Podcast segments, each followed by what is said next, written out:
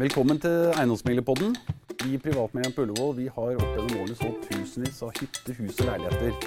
Og vi får veldig ofte mange av de samme spørsmålene. Og det er det vi skal ta for oss i disse episodene. Og i dag er jeg så heldig å ha med meg takstmann Kai Vambeseth. Velkommen. Takk for det. Ja. Du, eh, det vi skal snakke om i dag, Kai, er eh, hva skjer når, når takstmann kommer på besøk, og hva bør jeg forberede meg litt på? Eh, vi ser jo, eller hører jo ofte det tilbakemelding fra deg og andre takstmenn, at eh, det er litt sånn Selgerne er ikke alltid helt forberedt. Litt sånn heseblesende, litt dårlig tid og sånne type ting. Eh, Så hva tenker du kanskje er det viktigste disse selgerne våre som du skal på besøk til? Hva er det de bør forberede seg på?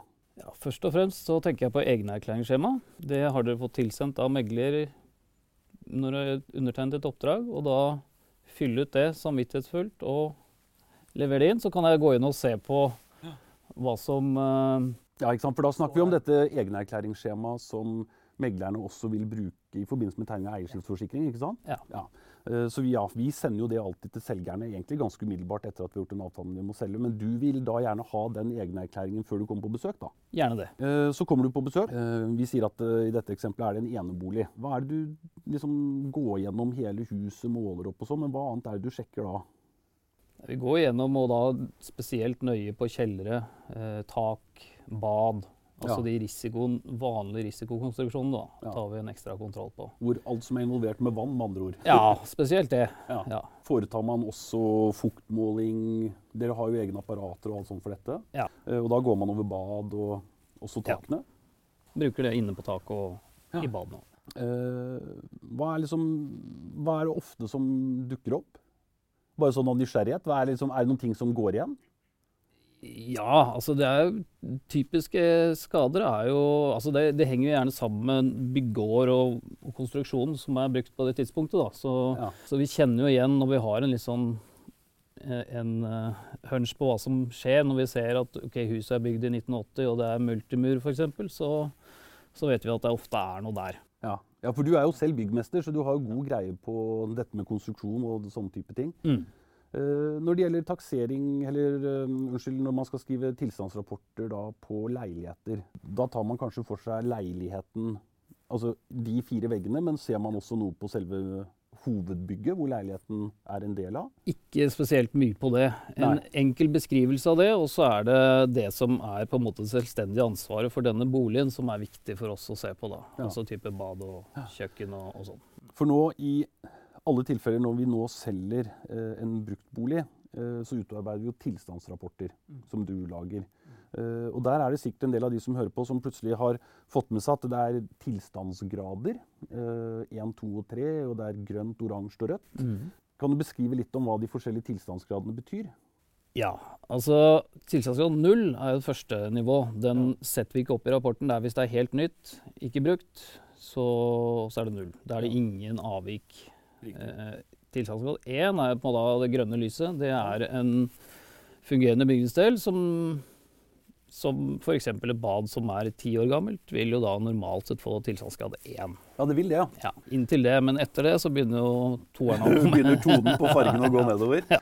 Når du er inne på det med bad, eh, for det vet jeg noen stusser over hvor eh, for Takseringsforbundet de, og NITO og sånn, de, de har vel noen sånn klassifiseringer på hva de mener er en antatt levetid på bad, gjør de ikke det? Eh, jo, men den er litt romslig, da. Altså, sier kan du si bad som er- 15 til 25 år. Ja. Mm. Men når du sier da til 25 år, så du ville tenke at hvis du kom på visning, eller kom på en befaring for din del, og ba deg mer enn 25 år, kanskje 30, så vil du kanskje fort få tilstandsgrad 3 da? Ikke nødvendigvis. Det kommer litt an på hvor, hvor funksjonelt det er. Og, og det er ikke nødvendig å, å gi det tilstandsgrad 3. Nei, så Selv selv om på grunn av kanskje det. er 20-25 år, så er det ikke noe vits i å... Nei. Nei. Men det er klart, alder i seg selv har jo litt å si. Man skal gi et varsel om at man må regne med at det skjer noe. Mm.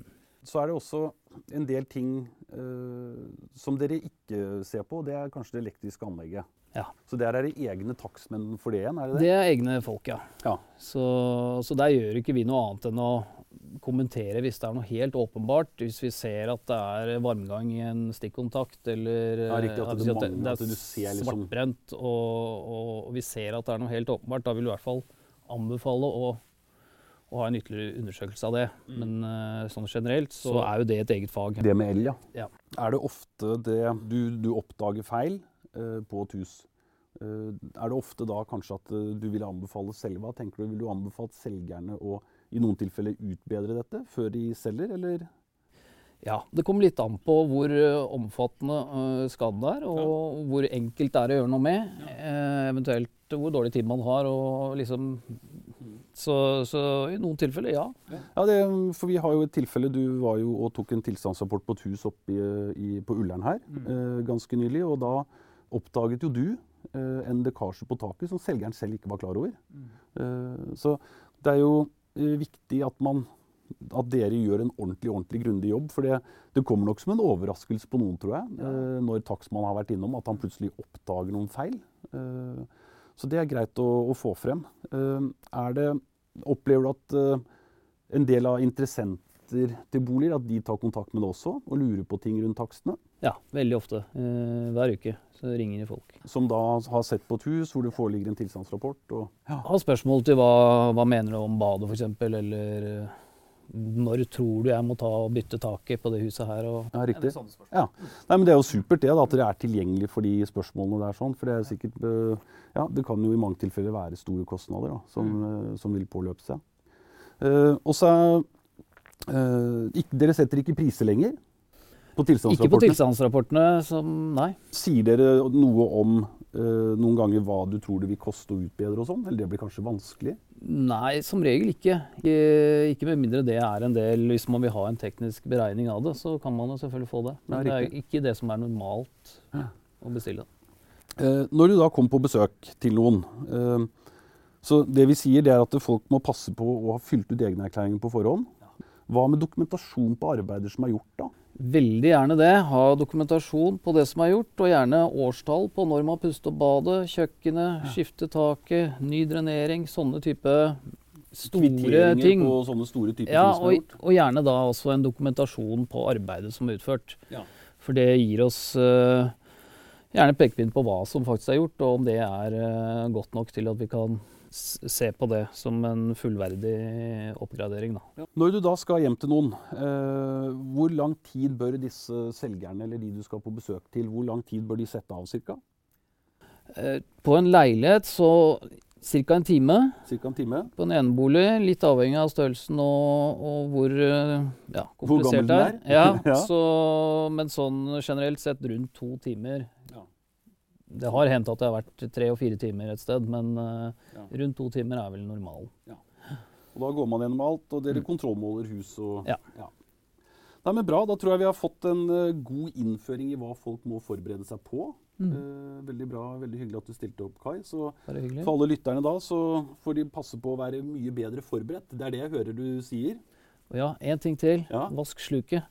Vask sluket. Ja. Rens ja, nei, Det er kanskje ikke så hyggelig for takstmann å begynne å romstere ned i en hårete sluk. Det, det er det ikke. Nei, nei, men bra. Det er et bra tips. Det er veldig bra. Takk for at du kom. Her i studio er det meg, Anders Langtin, og i dag hadde vi besøk av takstmann Kai Vambeseth.